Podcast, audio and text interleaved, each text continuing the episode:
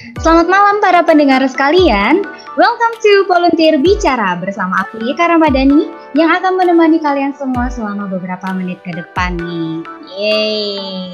Akhirnya kan Volunteer Bicara setelah sekian lama nggak update podcast di Spotify. Terus sekarang balik dengan nuansa yang baru dan pastinya lebih fresh gitu kan ya tapi tetap kita masih dalam misi yang sama, yaitu menjadi sebuah tempat bercerita tentang pengalaman kepemudaan dan volunteering dari berbagai sudut pandang nih. Sip. Nah, ngomongin tentang dunia volunteering, kita yakin nih pasti ada di antara para pendengar yang hmm, apa ya nyebutnya newbie pemula mungkin dalam dunia volunteering kayak udah punya ketertarikan di bidang volunteering tapi bingung gitu kan gimana memulainya. Kayak pengen mengimplementasikan keilmuannya untuk pengabdian masyarakat tapi background uh, kerelawanannya belum ada gitu kan. Background volunteeringnya belum ada. Jadi waktu mau daftar kegiatan volunteering bingung deh mau nyiapin apa.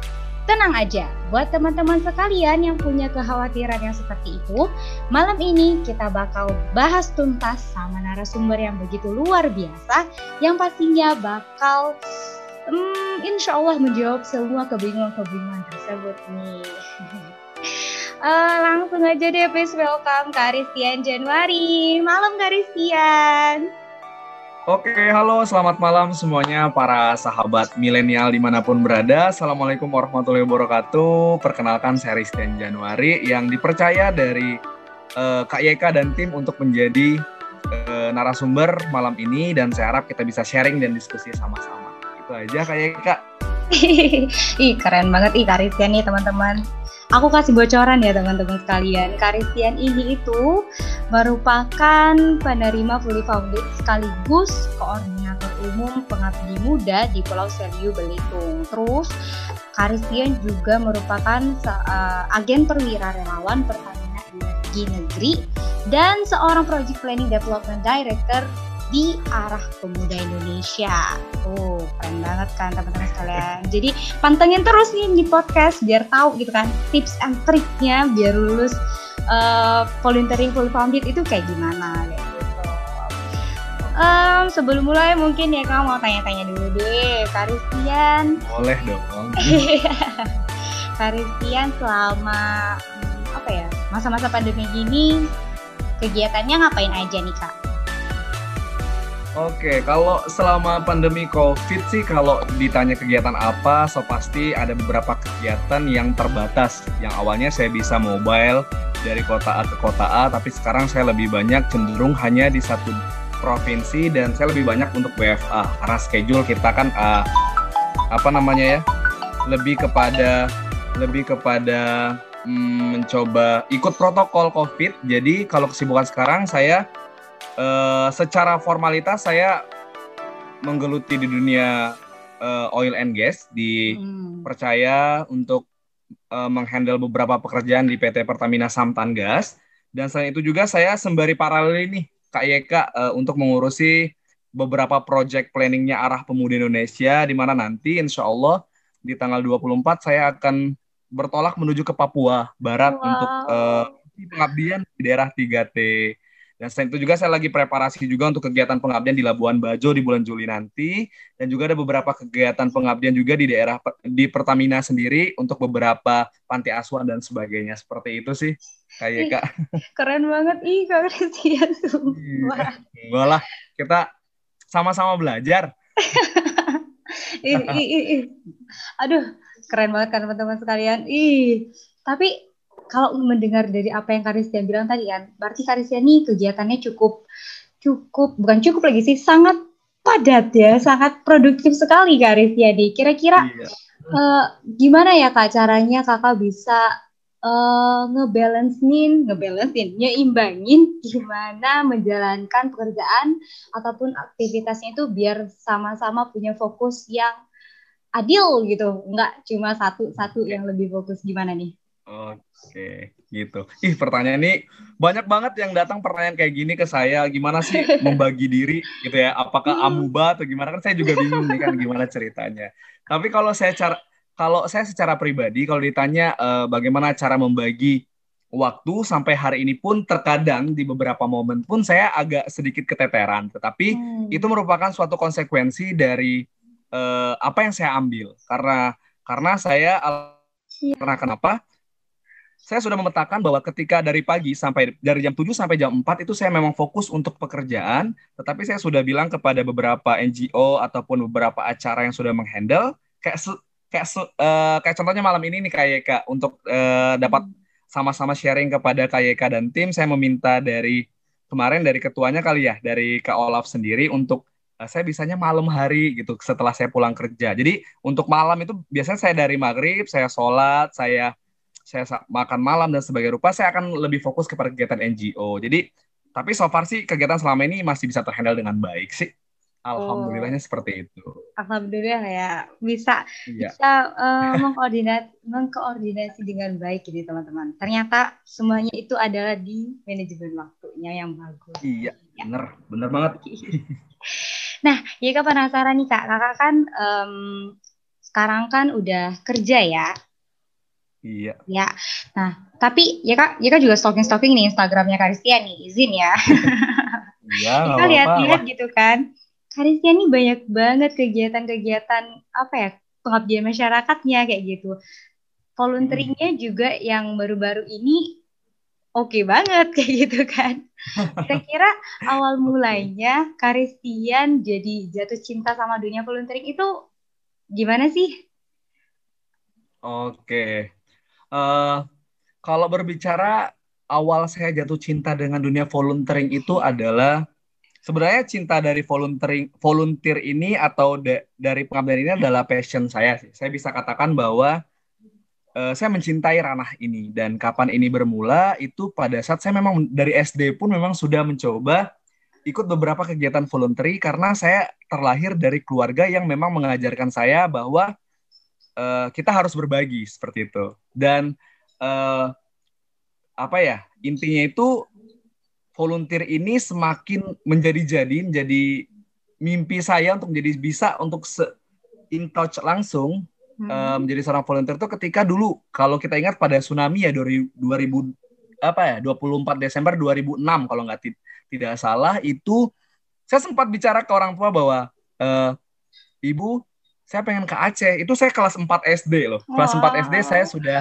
sudah sudah bilang uh, kepada orang tua untuk saya pengen ke sana dan orang tua bertanya buat apa kasihan anak-anak kecilnya tidak ada ibu lagi atau sebagai macam rupa dan dari sana saya ingin saya sudah punya niat itu dari kecil juga karena orang tua saya mengajarkan bahwa orang tua saya itu punya cara unik jadi ketika misal kalau dalam rumah dalam keluarga saya itu ibu saya masak masak hmm. setiap hari itu pasti masaknya dalam level yang agak sedikit lebih banyak dan dia pasti bilang tolong kasih makanan ini kepada tetangga-tetangga yang memang uh, bisa dikatakan yang berekonominya menengah ke bawah. Jadi di situ saya hmm. belajar dan karena dari dari keluarga yang memang mengajarkan saya rasa empati dan kepekaan seperti itu, semakin bertumbuh saya semakin semakin menjadi-jadi gitu uh, jatuh cinta kepada dunia volunteer sampai dengan hari ini gitu kak. Jadi kalau berbicara tentang bermula dari kapan itu dari SD pun saya sudah cinta dengan dunia volunteer. Wow, wow, wow. Emang gitu. dari kecil udah dipupuk nih ya. Emang dari kecil kayaknya udah kelihatan gitu kan empatinya tinggi terhadap orang lain. Ih mantap. Iya. Um, ngomong-ngomong, ya kan juga penasaran deh. Kira-kira kegiatan volunteer kakak yang pertama itu apa sih kak? Kalau kegiatan uh, ini kalau di luar yang dari kecil yang kita hanya ibarat hanya mendampingi. Kalau volunteer pertama itu saya ada di ketika kuliah. Hmm. Itu saya sempat menjadi dipercaya menjadi seorang ketua divisi eh, kanker salah satu provinsi di Indonesia, anak kanker. Anak kanker di provinsi Indonesia di mana di sana saya bergabung dalam satu eh, komunitas relawan lah ya, relawan.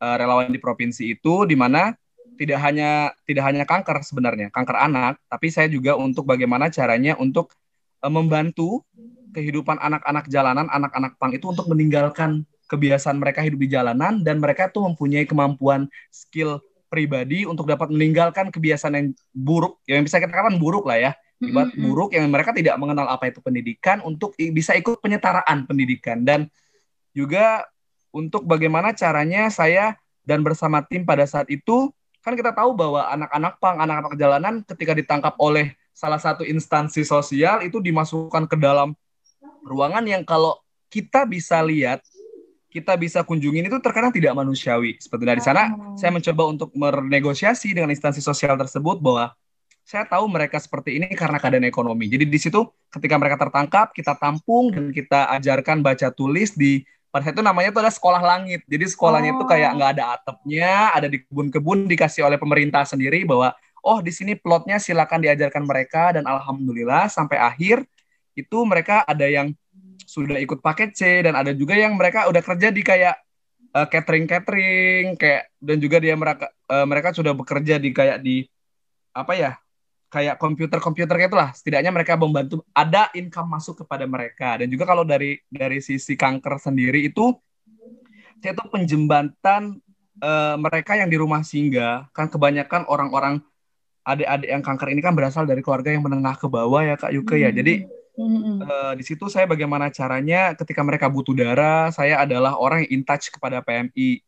Karena banyak sekali kejanggalan kejanggalan-kejanggalan yang masih terjadi kepada mereka ketika meminta darah dibilang tidak ada padahal ada. Nah, di situ hmm. peran saya bagaimana caranya ketika mereka uh, butuh, saya harus adakan seperti itu. Karena saya melihat bahwa untuk mereka penderita kanker, kalau kita sehat nih Kak Yuke ya, kita bisa berasumsikan bahwa uh, hidup kita itu adalah sebuah perjuangan, gitu kan ya. Tetapi yeah. mereka anak kanker itu adalah mereka tuh berjuang untuk tetap hidup. Nah, pada selama saya untuk masa-masa saya volunteer pertama itu di sana juga saya uh, belajar tentang arti hidup ini tidak bisa untuk diri kita sendiri karena setiap hari silih berganti. Ada yang datang, ada yang meninggal dan ada beberapa anak yang memang meninggal di pelukan saya langsung kayak gitu. Jadi kayak gitu sih. Oh, Seperti itu. Itu kegiatan volunteer pertamanya aja udah keren banget nih teman-teman. Um, ini nih, uh, ya kamu mewakili ya, ya kamu mewakili para pendengar yang mungkin kita udah punya nih niat pengen ikut uh, kegiatan volunteering nih kan ya kak, kita hmm. udah semangat nih, tapi hmm. kita benar-benar kayak sebelumnya belum pernah punya pengalaman kerelawanan, hmm. kayak gitu belum pernah join, Nah, terlepas dari itu semua gitu kan, kita bingung kan, apa aja nih kira-kira yang harus kita siapin atau enggak apa aja nih yang harus kita tonjolkan biar kita itu dipandang sebagai uh, kandidat yang berpotensi untuk terpilih gitu kan. Nah, Karistian kan udah banyak nih pengalamannya. Kira-kira menurut Karistian kayak gimana? Ada uh, tips-tips tertentu nggak atau ada ada kiat-kiatnya okay. gitu nggak? Oke, siap. Terima kasih Kak Yuke. Pertanyaan keren-keren nih dari uh, Kak, Kak Yeka dan tim dan pertanyaan ini juga sering kali masuk ke saya. Uh, Kak Ristian, gimana sih? Saya ingin jadi saya ingin jadi volunteer tapi saya tidak pernah ada hmm. pengalaman hmm. dan bagaimana nanti persiapannya seperti apa. Tapi di sini saya bisa katakan seperti ini nih Kak Yuke. Saya bilang bahwa uh, untuk niat baik tidak perlu ada alasan, tidak perlu ada pengalaman, ya. Jadi bagi kalian para pemuda-pemudi di luar sana, apalagi kita di zaman milenial sekarang, langkah pertama yang harus kalian lakukan adalah daftar, gitu loh. Hmm. Coba. Kalau kalian terus menerus dalam dalam dalam artian masih mempertahankan, tapi saya tidak punya pengalaman, tapi saya nggak pernah ikut ini, tapi saya tidak punya program apa-apa. Nah, ini sebenarnya yang konsep yang salah dari pemuda. Karena konsep seperti ini lama-lama dia akan diam, diam, diam dan tidak ikut. Nah, sedangkan niat baiknya udah ada nih. Jadi, kalau menurut saya tips yang pertama adalah daftar. Coba buktikan bahwa diri kalian memang benar-benar berniat baik. Karena kenapa?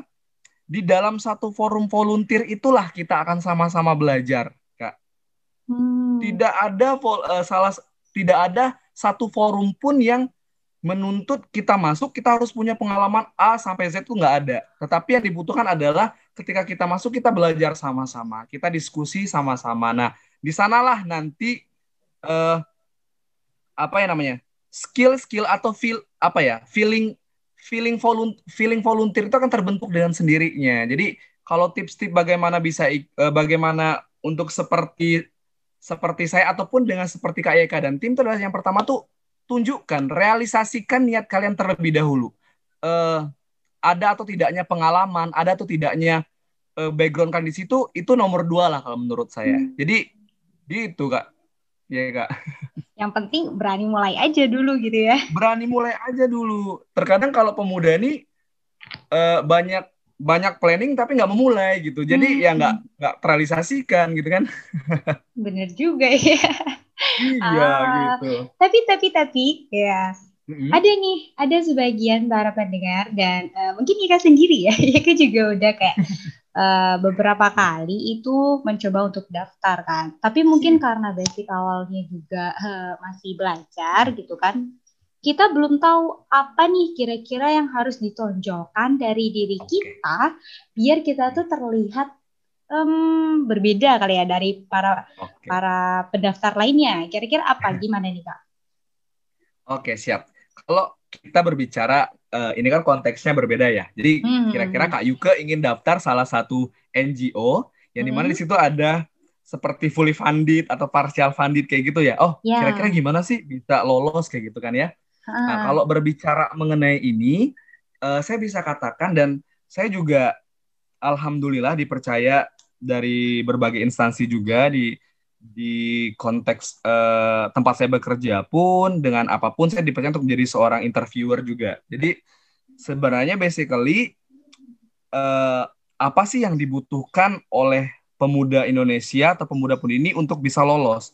Saya hmm. yang pertama sebenarnya saya bisa katakan bahwa seluruh NGO atau seluruh dari event yang memang volunteer yang membuka peluang fully funded atau atau sebagainya lah ya seperti itu dia pasti mempunyai format yang sama gitu loh. Dia mempunyai harapan yang lulus itu sama intinya. Cuman terkadang formnya saja yang berbeda dan tahapan seleksinya aja yang berbeda. Nah di sini yang perlu disiapkan itu yang pertama kalau saya bisa kasih saran mengenai tentang personal branding ya. Jadi uh, berbicara mengenai personal branding, saya sering kerap kali bilang kepada pemuda-pemudi ini bahwa untuk mendapatkan personal branding, kalian harus tahu dulu seberapa kenal kalian dengan diri kalian sendiri.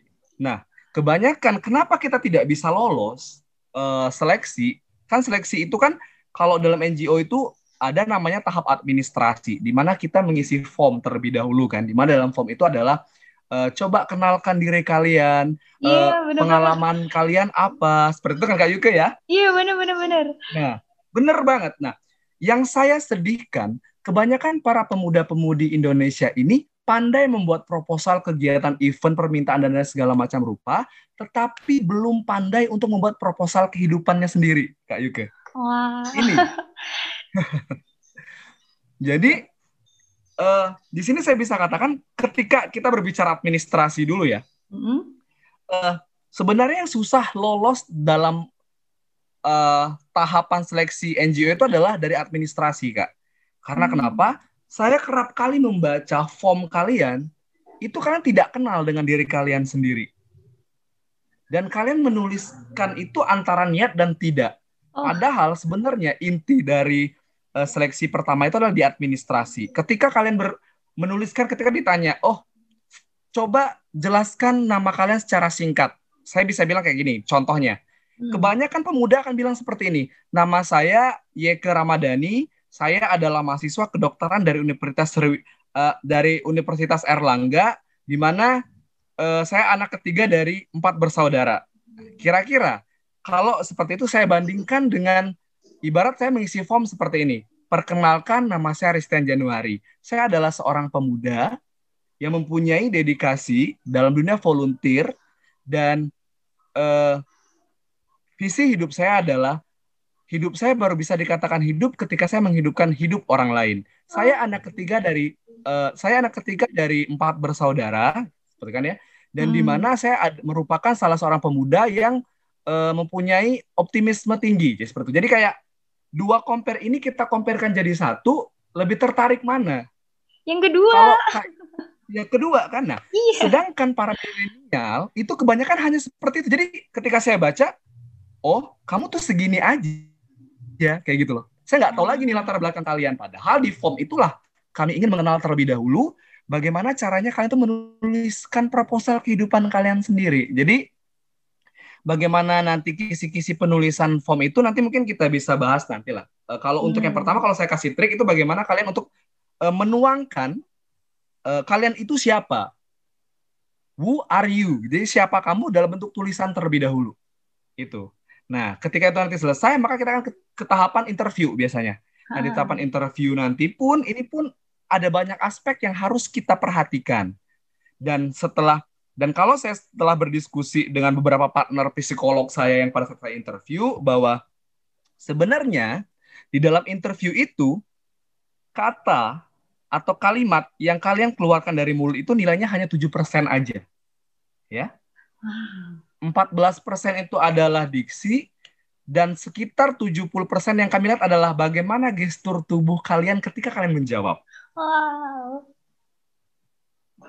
Nah, jadi seperti itu Kak Yeka. Jadi hmm. ketika inter karena kita udah mengenal kalian sebenarnya di form, tetapi kami hmm. ingin melihat attitude ataupun visual kami kepada kalian pada saat di interview itu sendiri. Biasanya kan kalau interview ada yang pakai Zoom, hmm. ada yang pakai Skype kayak gitu kan ya. Yeah. nah, dari sana lah sebenarnya kita tahu. Nah, dan dan psikolog ataupun orang yang sudah expert dalam dunia interview tidak bisa kalian bohongi dari mata kalian, dari cara menjawab kalian dan intinya di interview ini bagaimana kami uh, memverifikasi data form kalian ini dengan data uh, aktual pada saat kita lagi interview kayak gitu aja dan biasanya setelah interview itu ada namanya essay essay ya essay ah. ini bagaimana caranya tulis gitu kan bagaimana tap sebenarnya kalau essay ini dibilang gampang enggak dibilang susah juga enggak ya intinya essay itu adalah bagaimana caranya kita tuh mengikuti format yang ada terlebih oh. dahulu. Ya, kayak misalnya kan kebanyakan para pemuda itu tidak memperhatikan. Misalnya untuk esai eh, 450 kata eh, tulisan apa eh, spasi berapa. Nah, kebanyakan kebanyakan apa ya? Para pemuda itu tidak melihat dari sisi itu dulu. Baru nanti setelah dari format itu selesai, kita akan lihat menulis lagi kan. Eh, yeah.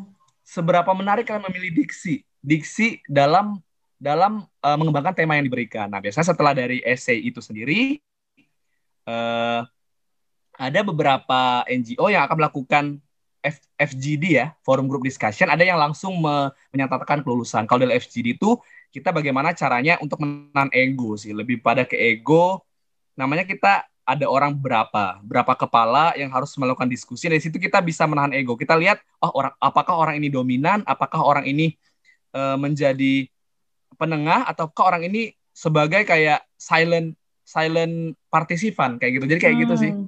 Jadi kayak itu semuanya harus dipersiapkan dengan baik kak ya kak. Wow, ih ini benar-benar ya semua semua kunci jawabannya udah diberikan teman-teman. benar-benar kayak tiap tahapan apa yang seharusnya kita lakukan tuh udah diberikan jawabannya dan dia pun baru benar-benar kayak baru terbuka wawasannya gitu kan. Oh iya, iya juga berarti ternyata selama ini keliru.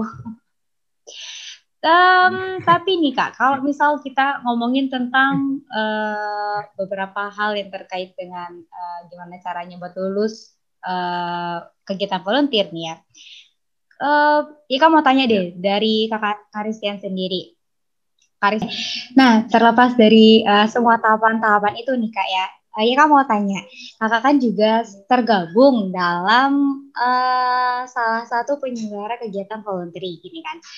Arah Pemuda Indonesia hmm. nih, yang emang banyak banget peminatnya. Ya kan tahu banget itu kalau udah buka apa pendaftaran buat kegiatan volunteer itu banyak banget, bahkan sampai karena beberapa kali extend gitu kan, saking banyaknya pendaftar. Yeah.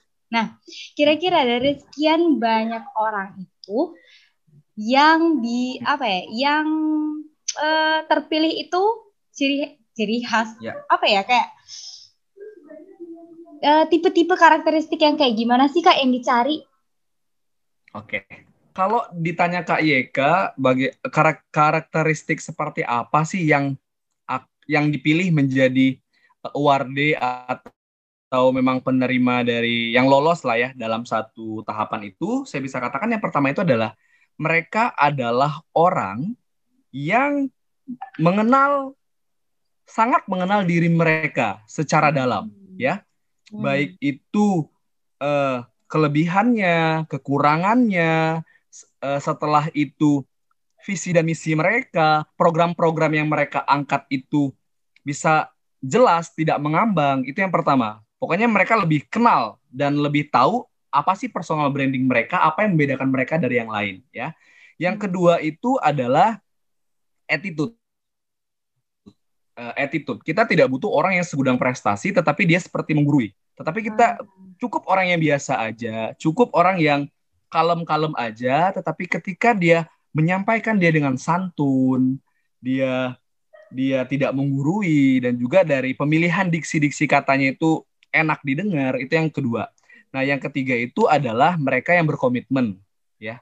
Bagaimana kita tahu orang itu berkomitmen? Itu adalah dari cara mereka menjelaskan tentang planning-planning yang akan mereka kerjakan ke depan. Visi misinya seperti apa? Itu kita lihat juga dari thread uh, thread record mereka sih. Biasanya kita juga ngeliat dari kayak media sosial. Nah, di sini saya juga mau ngasih masukan nih kepada para pemuda-pemudi milenial di luar sana. Mm -hmm. uh, can ngerasa, uh, Yeka ngerasa nggak sih kalau seandainya mereka tuh banyak yang nge-privatein nge medsos mereka dan foto mereka tuh cuma satu kayak gitu loh. Nah, iya. terkadang ada beberapa yang juga apalagi di zaman COVID sekarang ini, media sosial itu adalah menjadi sorotan juga, penilaian sorotan utama untuk kita mengenal mereka lebih dalam. Oh. Jadi untuk dari misal contoh saya ambil Instagram nih ya, uh, mulailah untuk membuat konten feed itu adalah konten feed yang bisa membuat suatu instansi itu oh anak ini cinta nih jiwanya volunteer nih atau oh anak ini pinter nih oh anak ini uh, seni banget nih ya kayak gitu. Tapi kebanyakan kalau saya lihat nih mereka ikut nih mereka ikut satu NGO semua medsos mereka private hmm. setelah itu jadi kita nggak tahu nih nilai plus mereka dari mana karena kan selain dari form kita mau lihat keseharian mereka kayak gitu jadi uh, cobalah untuk buat highlight highlight yang memang bisa membrandingkan diri kalian sendiri. Kayak gitu sih, ya kak. Wow, bener-bener berarti apa ya teman-teman kalau kalian mau mau ikutan kegiatan volunteering berarti Instagramnya diisi yang bener-bener ya. Bener, Mulai buat konten, gitu. konten bermanfaat gitu kan. Iya benar. Itu terkadang saya tuh nge-DM satu-satu, saya tahu dia berpotensi oh, form. Serius? saya, saya demo orang satu-satu nih. Kayaknya kan kalau yang di, di arah pemuda, misalnya mereka udah udah daftar nih, tapi saya lihat nih, misalnya yang yang sekilas mata saya aja kan yang daftar kan banyak. Nah, saya lihat ah. nih, oke mas, kayaknya saya boleh kasih saran nggak gini? Coba deh ininya dibuat. Nah, saya tuh peng, kenapa saya seperti itu? Karena saya ingin mereka itu memang merelasikan niat mulia mereka itu sebanding dengan apa yang mereka harus lakukan seperti gitu loh kak ya kak. Oh. Gitu. Aduh. Aduh banyak banget dah. Ini jawabannya bener-bener bener-bener langsung tepat sasaran ya teman-teman. Langsung bener-bener bisa menjadi koreksi yeah. bagi kita untuk ke depannya kalau masih kuat gitu kan niatnya pengen ikut kegiatan yeah. volunteering. Oke, Oke, okay, udah ngomongin panjang lebar mengenai uh, gimana caranya biar kita bisa lolos kegiatan volunteering. Nah, mungkin apa ya?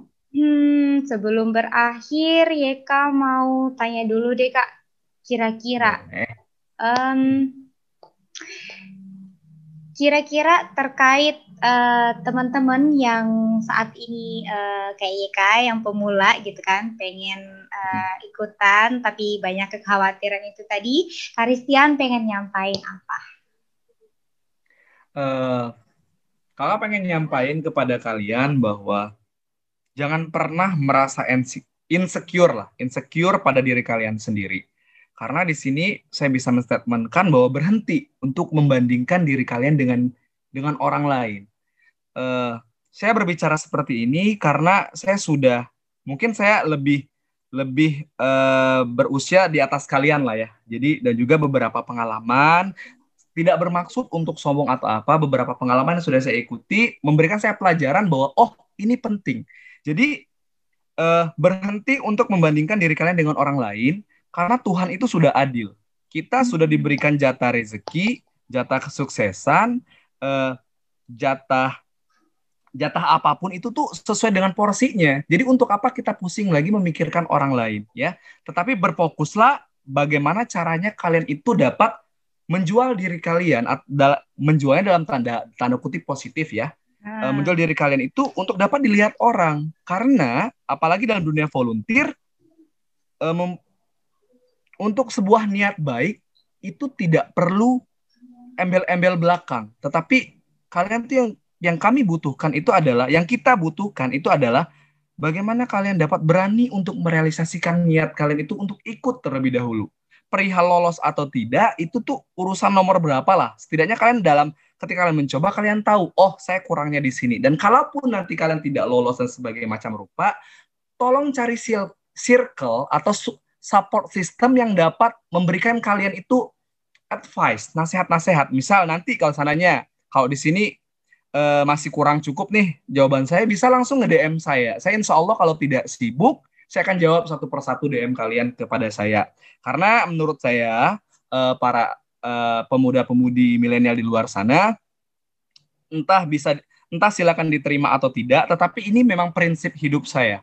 Saya mempunyai prinsip bahwa hidup saya baru bisa dikatakan hidup ketika saya menghidupkan orang lain. Uh, berhenti untuk sibuk mengurusi hal-hal yang bagaimana saya bisa sukses ya, bagaimana saya ini bisa menjadi kaya, bagaimana saya ini bisa punya segudang prestasi, tapi tetapi kalian tidak memikirkan orang-orang di sekitar kalian. Yuk, semuanya yang sudah ada niat baik, yang sudah memiliki uh, mimpi untuk ataupun niat untuk menjadi volunteer atau ingin ikut pengabdian direalisasikan.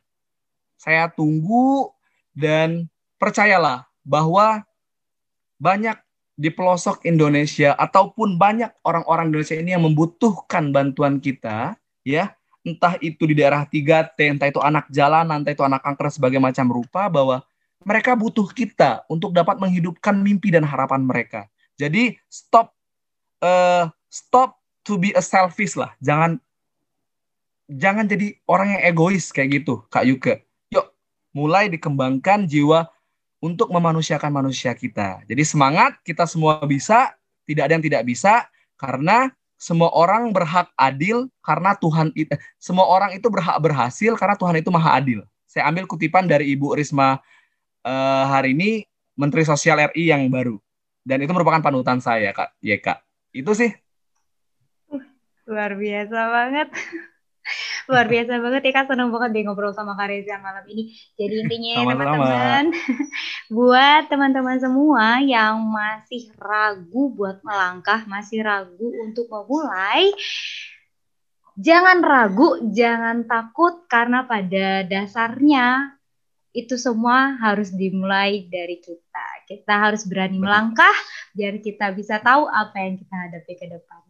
Kalau kamu pengen lebih tahu lebih lanjut lagi gimana kegiatan volunteering, terus dengerin podcast kita di Volunteer Bicara. Makasih banyak Kak Christian atas waktunya ngobrol-ngobrol malam hari ini. Makasih banyak kesediaannya, makasih banyak ilmunya.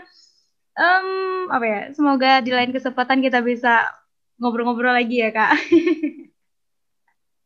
Baik, amin. Saya juga mau nyampein makasih banget untuk para tim uh, volunteer bicara yang udah memberikan kesempatan saya untuk bisa sharing malam ini bersama uh, bersama-sama dan saya harap dari volunteer bicara juga bisa semakin sukses, bisa semakin berkembang dan selalu menjadi wadah kebermanfaatan bagi pemuda-pemuda di luar sana. Amin. Makasih banyak Kak Karistian. Um, well guys, itu tadi bahasan kita di episode kali ini. Semoga apa yang udah kita bahas ini membantu kalian. Semoga ada manfaatnya untuk kalian sekalian. Dan aku yakin ini pas bermanfaat banget sih sebenarnya. Mungkin cukup itu aja untuk episode kali ini. Sampai jumpa di episode selanjutnya bersama aku Yeka Ramadhani dan narasumber kita hari ini begitu luar biasa. Saya Ristian Januari. Mohon pamit diri. Sampai jumpa di episode selanjutnya. Bye-bye. Bye. Assalamualaikum warahmatullahi wabarakatuh.